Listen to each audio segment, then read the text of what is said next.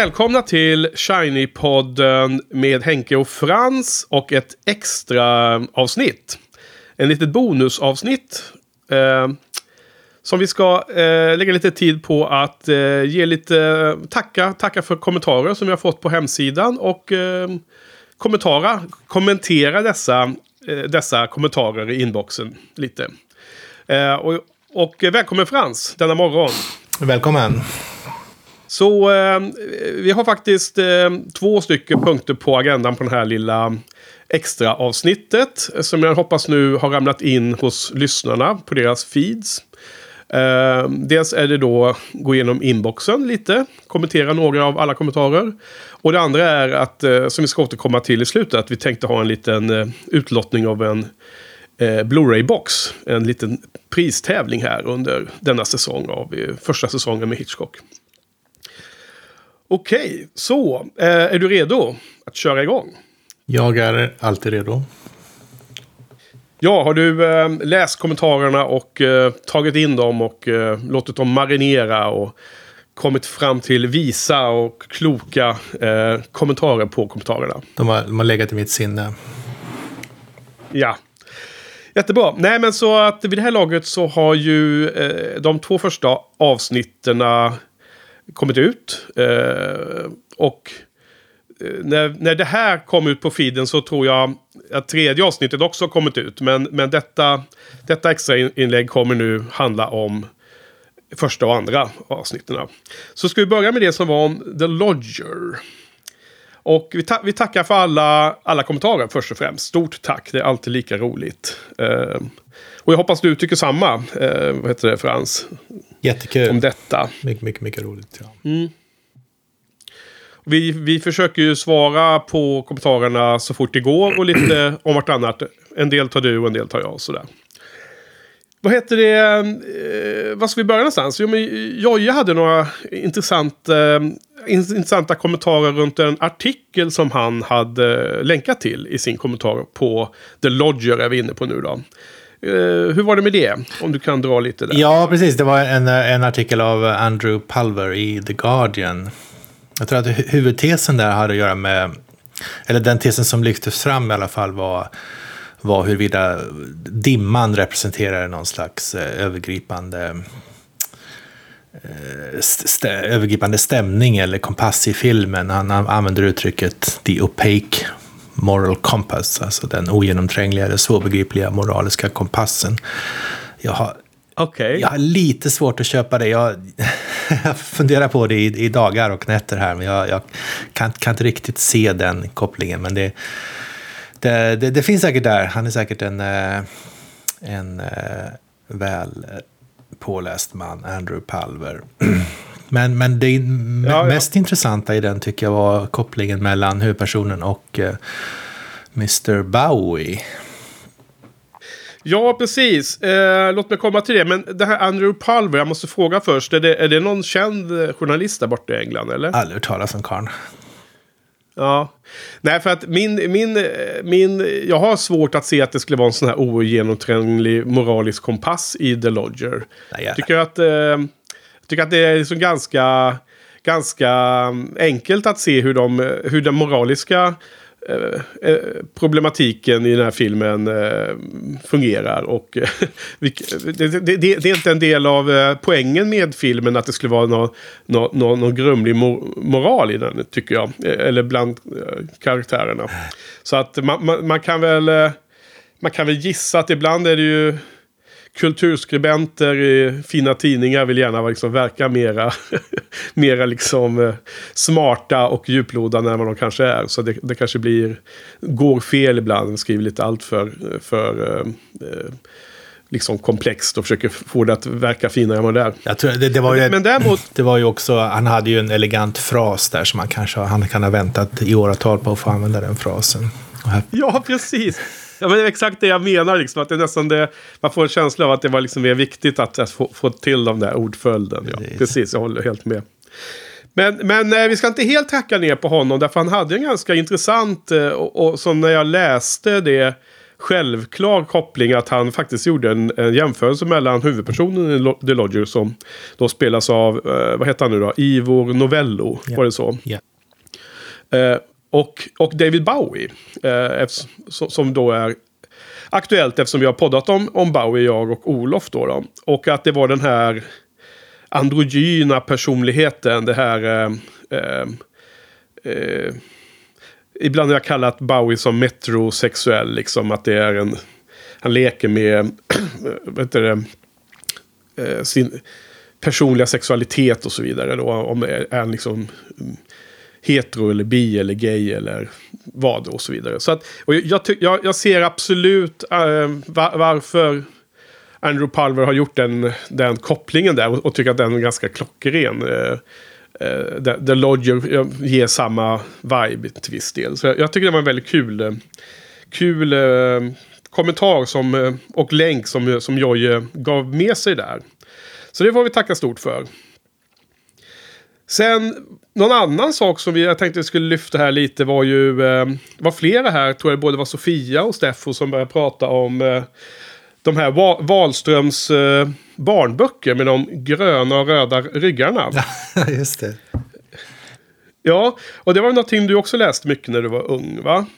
Ja, precis. Jag, jag har alltid varit grön-röd färgblind, så jag är inte helt säker på att jag har haft koll på det här med färgerna på ryggarna. Men jag, jag gick in och kollade i min eh, samling, är väl fel ord, men det som jag har släpat med mig genom åren, inte gjort mig av med dem. Och det finns både gröna och röda ryggar tror jag. Jaså, Man kan se det var ju spännande. skiftning i nyansen som jag tolkar som att det är olika färger. Men du, men du, du kan inte se, du är rött och grönt, färg, färgblind alltså? Ja, men jag kan, kan se, om jag tittar noga kan jag se att det är lite olika. Men jag, mm. jag kan inte säga vilket, vilket som är vilket. Liksom. Ja, därför att jag tänkte ju först då också när vi svarade på kommentaren i textformat så, så tyckte jag att det här, men det här fick bli din, eh, ditt, eh, din sak att svara på för att jag har väl inte läst så många av dem tänkte jag. Men sen helt plötsligt kom jag på att det var ju helt, helt falskt. För jag har ju läst Bigless. Ja, ja. Bigless, kommer du ihåg honom? Ja, ja. Bigless. Ja. Och det visar sig att jag har ju kvar några från barndomen. Um, så jag har plockat fram dem här nu då. Så jag har, jag har nu tre stycken Biggles-böcker i min hand. Och den första som jag skulle vilja prata om är då Biggles och spökflygaren råkar det vara. okay. det, det är då Wahlströms ungdomsböcker från 70-talet. Som har... Um, på insidan, första insidan så kan man skriva vem boken tillhör. Och sen så är det lite reklam att man kan vinna en ponny eller en crescent moped. Okay. Och det är liksom den här nyare modellen. Och den här kom ut på 70-talet. Eh, just den här var, var då tryckt 73. Kostar för övrigt 9,95 att köpa. Och den är liksom den nyaste modellen. Men jag har ju äldre också. Och en bok som jag tar fram här heter Biggles i Söderhavet. Och har orange baksida. Och den är alltså utgiven av Albert Bonniers förlag. Och i en serie som heter Önskeböckerna. Och det här är något äldre variant då. Som är alltså, den här är tryckt 1950 denna bok. Just det, 1950. Och är då Bonniers. Och inte alls Wahlströms ungdomsbokserie. Det här kostar 5,50 1950. Det var ganska dyrt. Så att någonstans... Ja, precis. För nå någonstans där måste Bonnier ha, ha släppt då att ha Biggles. För att den äldsta av dem är grönt. Och, och de som heter Wahlströms ungdomsböcker. Som, som har förvisso den gröna bakry alltså ryggen. Men som är lite annorlunda stil än den där som jag nämnde alldeles nyss. Som var från 70-talet. Då har vi en som heter Biggles flyger vidare. Och denna är från 1953. Så det var väl precis där mellan 1950 och 53 då uppenbarligen som Bonniers släppte det här. Alltså eh, lämnade, lämnade över ägandeskapet av att få, få eh, publicera Biggles böcker. Den här, den här eh, Biggles flyger vidare heter tydligen Comrades in Arms i original. Okay. Och den här kostar då 2,95. Så eh, de, de gick ner i pris där eh, en hel del. Ungefär halva priset va. Ja, så ja. att det kanske hade att göra med... Eh, Bonniers kanske inte fick sålt för mycket. Så. Ja, ja, men det var en liten ut utveckling om det där. Så jag vet inte om folk eh, sitter hemma med massor med Biggles-böcker hemma. Kan ni kolla vad, vilken, vilka, vilka versioner ni har? Alltså, så här, utgår. Ja, det får man förutsätta. Mm. Just det, det får man. Uh, men men uh, Biggles, alltså hur, hur, det ska uttalas Biggles va? Eller, eller, Biggles, ja. Precis. Ja. Det, man hör, man hör inte det uttalas så ofta. Nej, i, när man läser böckerna och när man är liksom typ nio år och sådär. Men, uh, men ja, det var alltid Biggles i min värld.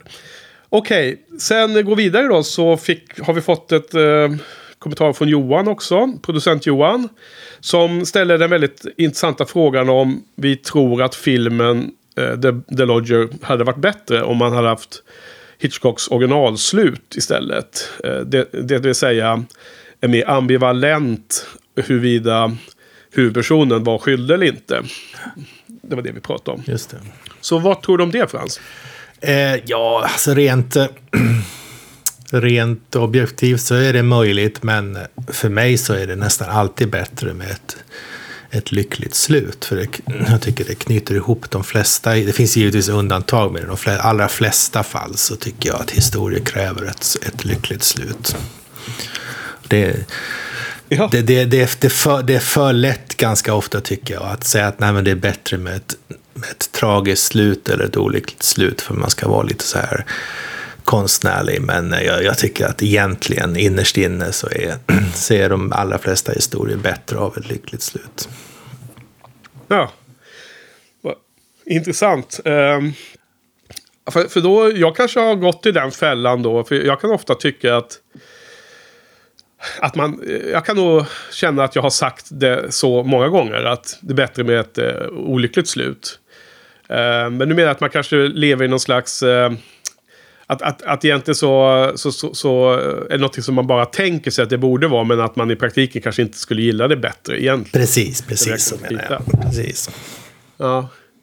Ja, ja, både och alltså. För att jag, jag, kan tycka så här att filmen kan växa väldigt mycket om man har en, en, eh, en, om det finns en otydlighet runt en viktig parameter som är gjort på ett bra, bra sätt. Inte, inte en otydlighet för att det är bara uselt gjort och det är dåligt implementerat och allting bara eh, liksom skit. Då, det, det, är inte en sån eh, liksom, flummighet eller otydlighet. Men filmer som eh, Blade Runner där, där det finns en hel... Eh, det finns något göttigt att ta tag i och, och, och fundera på och diskutera. I det fallet huruvida Deckard är en replikant eller inte. Deckard, eh, är, det, som, eh, är det Harrison Ford? Eller? Va? Är det Harrison Ford? Ja, det är han som spelar Deckard i Blade Runner. Uh, och, och, det är liksom... Uh, om, om, man då har ett öppet slut, om man nu definierar Johans fråga som uh, Hitchcocks originaltanke var ju med att ha ett öppet slut. Och om det då betyder att det var olyckligt eller inte. Det är kanske en annan dimension. Jag kan tycka att öppna slut kan vara intressant. Det var det jag skulle komma till. Ja. Sen kan, kan, jag då tycka att ibland kan olyckliga slut vara väldigt starka. Så att jag vill liksom... Medan jag funderar på din... På din, eh, på din eh, franka ställningstagande till lyckliga slut. Så, så kan jag direkt tänka att en film som Brief Encounter. David Leans film. Som verkligen har ett sorgset slut. Eller vemodigt slut. Eh, den hade ju inte funkat med ett lyckligt slut kan jag säga. På samma sätt. Nej, nej. Den hade ju inte varit en av de bästa filmerna man har sett. Om den hade slutat som en en glad Hollywood eh, komedi liksom helt plötsligt. Just. Men så att, så att eh, jag, jag, jag köper din tankegång till stor del Frans. Och sen så tror jag att en anledning till att jag och kanske andra då kan känna igen sig att man ibland eh, eftersöker mer mindre entydigt lyckliga slut kan vara att man är lite trött på den här formulariska eh, romantiska komedin från typisk Hollywood. Att det finns något eh, för enkelt och för, eh, för liksom slappt i att, att ha liksom ett tillrättat lagt slut. Det är, det är nog det jag kanske vänder mig mot. Eh.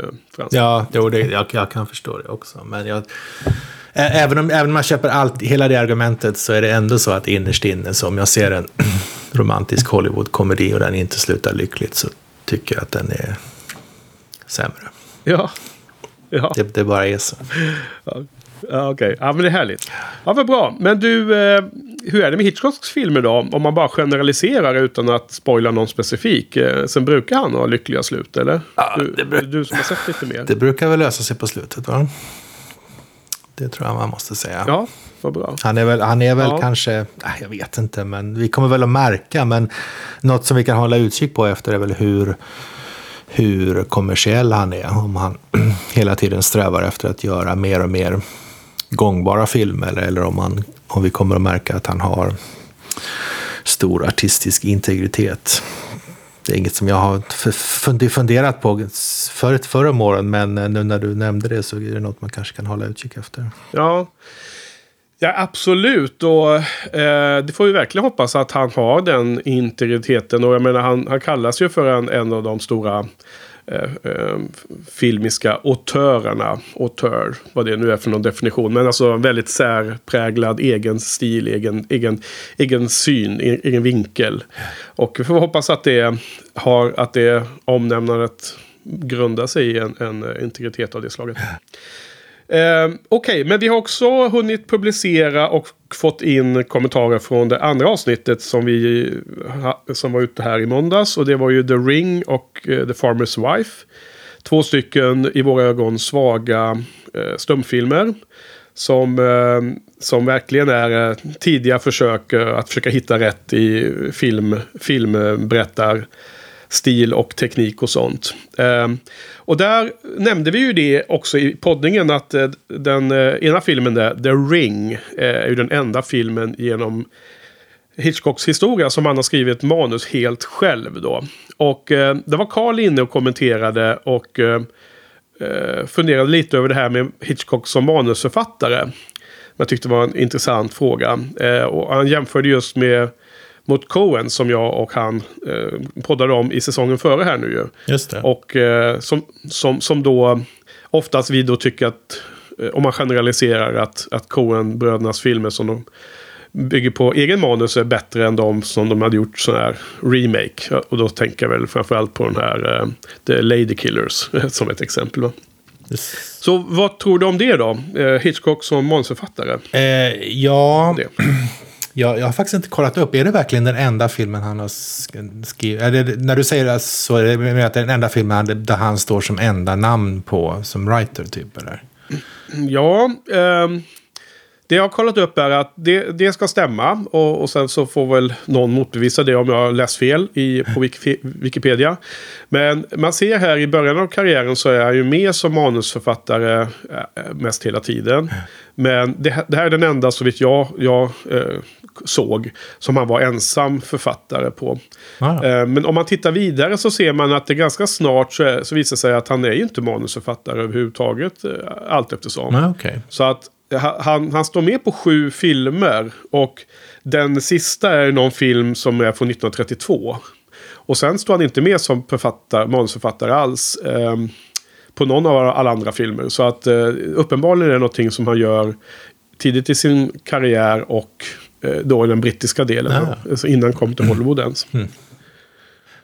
Men, men eh, jag vet inte vad det betyder. Jag menar, en, en regissör kan ju kan ju, alltså det kan finnas en manusförfattare för manuskriptet men att regissören går in och eh, gör ju en adaption av manuskriptet också trots allt. Precis som ett manus kan vara en adaption på en, en bok eller något sånt där. Så gör ju regissören har ju ändå makten och mandatet i själva inspelningssituationen att fixa till det som han känner och tycker. Så att eh, det är mycket möjligt att Hitchcock liksom Eh, påverkar den delen av filmprocessen i regissörstolen. Men inte i liksom eh, skrivarstudion före filmen börjar. Ja, precis. Och jag har alltid tänkt, det kan vara helt fel, men jag har aldrig tänkt med Hitchcock som en person som, som eh, tänk, säger och tänker, att nu måste vi ha en sån här scen. Men då kanske han ger, ger folk i uppdrag att skriva den scenen skriva dialog och sånt i den scenen. Men jag, jag har alltid trott att han var en som liksom bestämde ganska mycket vilka, vilka scener som skulle vara med, eller vilka typer av scener som skulle vara med i filmerna. Uh, ja. ja. Men jag, jag, vet inte. Nej, men jag, jag har...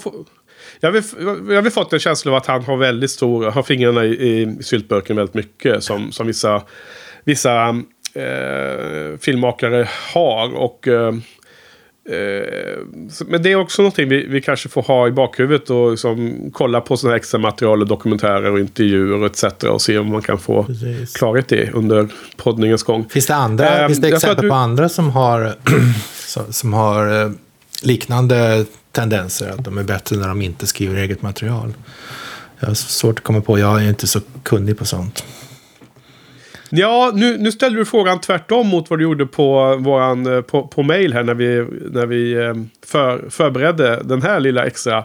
För då frågade du om det fanns andra likt Coen som, eh, var, som alltid skrev materialet själv. Så det har jag ju tänkt ut i alla fall. Okay. Om vi börjar i den änden då så, så ska jag köpa några extra sekunder här och tänka huvudet parallellt. Men jag menar, det är ju ganska många som kör sitt eget material, alltså som Woody Allen och Wes Anderson och David Lynch eller vilka det kan vara. Nu, nu rabblar jag bara några. Eh, och, eh, och då, där är det ju väldigt tydligt att, att det är en viktig del i det hela. Menar, en, äh, husguden Joss Whedon gör väl också mestadels grejer som är på egna, egna saker. Även om det kanske inte är 100%. För han har ju också gjort den där Much Ado About Nothing. Mm. Som, bygger, som är på ja, åtminstone bygger på en Shakespeare, den kända Shakespeare-pjäsen. Eh, men där är det ju också lite variation eh, på hur pass eh, styr, hur, hur, hårt de styr. För exempel Joss skriver ju manus som måste uttalas exakt som det står av, av skådespelarna. Som har noll, noll, eh, noll moment av improvisation i stunden. Medan en sån som Richard Linklater skriver nog också egna manus men där eh, vill han ju att eh, skådespelarna ska improvisera en stor del och liksom äga karaktären. Och liksom, eh, det ska låta mer naturligt om skådespelarna säger det som de själva känner istället för att det de har läst. Så det, det finns nog alla varianter där. Men du, frågan om någon som är bättre på andras material. Eh, eh, lite oförberett då Frans, så så tänker jag på, eh, vad hette han, Ridley Scott. Okay. Han tror jag gör bara, bara film på andras material. Om jag skulle gissa nu utan att ha dubbelkollat och läsa detaljerna i filmografin. Och han, han är ju dessutom, det, det tas ju ett steg längre, att han är ju dessutom extremt beroende av ett bra manus. För jag tycker att han liksom är lite så här 50-procentare nu för tiden. Att varannan film är jättebra och varannan film är liksom ganska risig. Och att eh, varannan film är liksom som om han bara behöver ta in en paycheck. Ja. Och vissa filmer verkar han verkligen satsa på.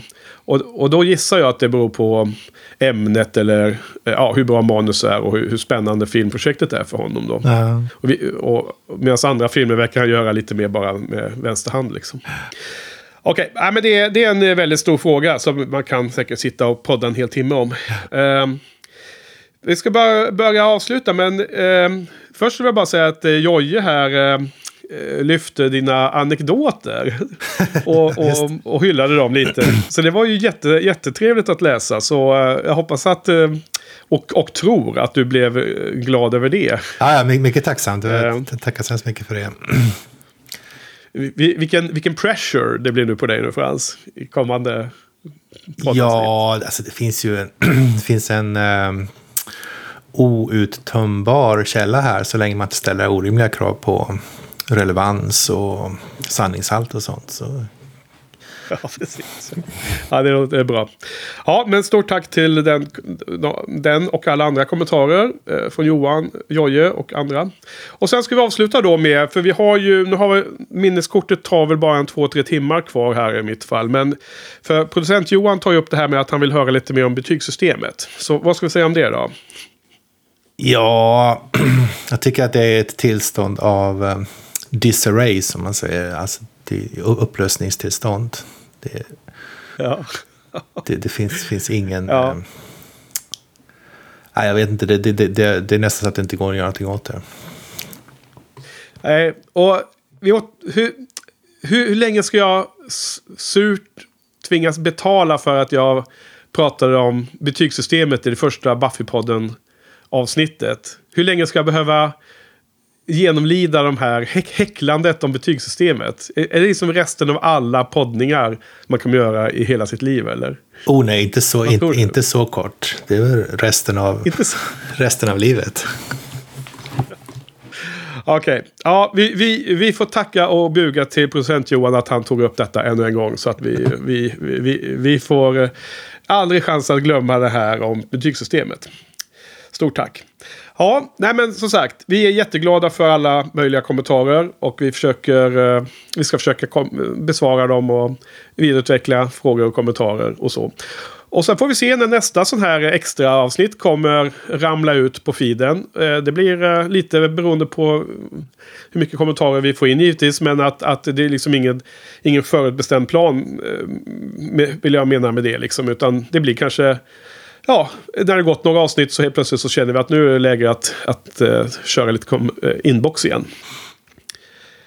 Mm, Okej, okay, men du. Eh, vi hade en sak till och det är att vi hade tänkt att vi skulle köra en eh, lyssnartävling. Ja, vad spännande.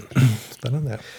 Det känns ju ändå som en kul grej. Så, och eftersom det då...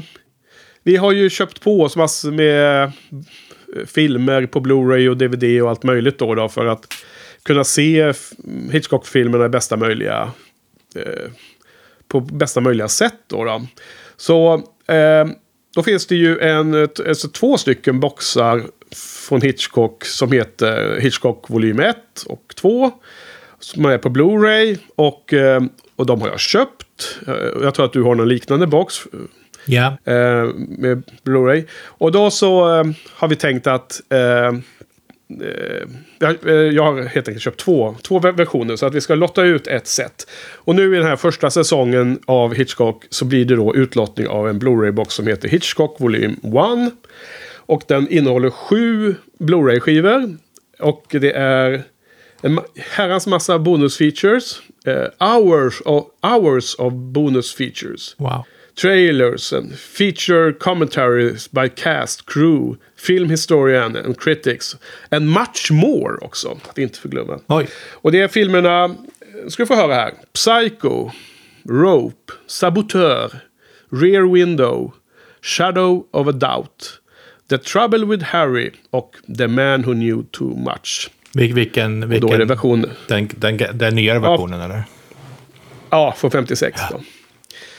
Så, för att vara med på utlottningen av denna box så eh, det enda som krävs är att man mejlar till vår eh, till poddens mejladress som är shinypodden att eller snabela gmail.com. Ska man, skulle man inte skriva en eh, essä om betygssystemet också? Ja, just det. På minst 1500 ord. Precis. Nej, utan jag hoppas att den här mejladressen står någonstans på vår hemsida. Eh, men det är alltså shinypodden at gmail.com. Och man behöver bara skriva någonting med Hitchcock i, i rubriken så att vi hittar mejlen. Och sen eh, så är man med på uttävlingen. Eller utlottningen i tävlingen. Eh, sen får man gärna som bonus bonus eh, nämna sin favorit eh, Hitchcock-film. Kan vi säga. Nämn er favoritfilm från Hitchcock så, så har vi ett litet, eh, ett litet arbete också. Men det krävs egentligen inte för att vara med i utlottningen. Utan det är bara en kul, kul sak att, att få läsa om. Kul! Lycka, lycka till alla! Så, ja precis. Men då var vi klara med den här lilla extra bonusen. Eller alltså bonusavsnittet. Bonusepisoden av Shining-podden säsong 4 om Hitchcock. Så eh, på återhörande eh, nästa, på måndag igen med eh, nästa vanliga avsnitt då vi pratar om film. Mm.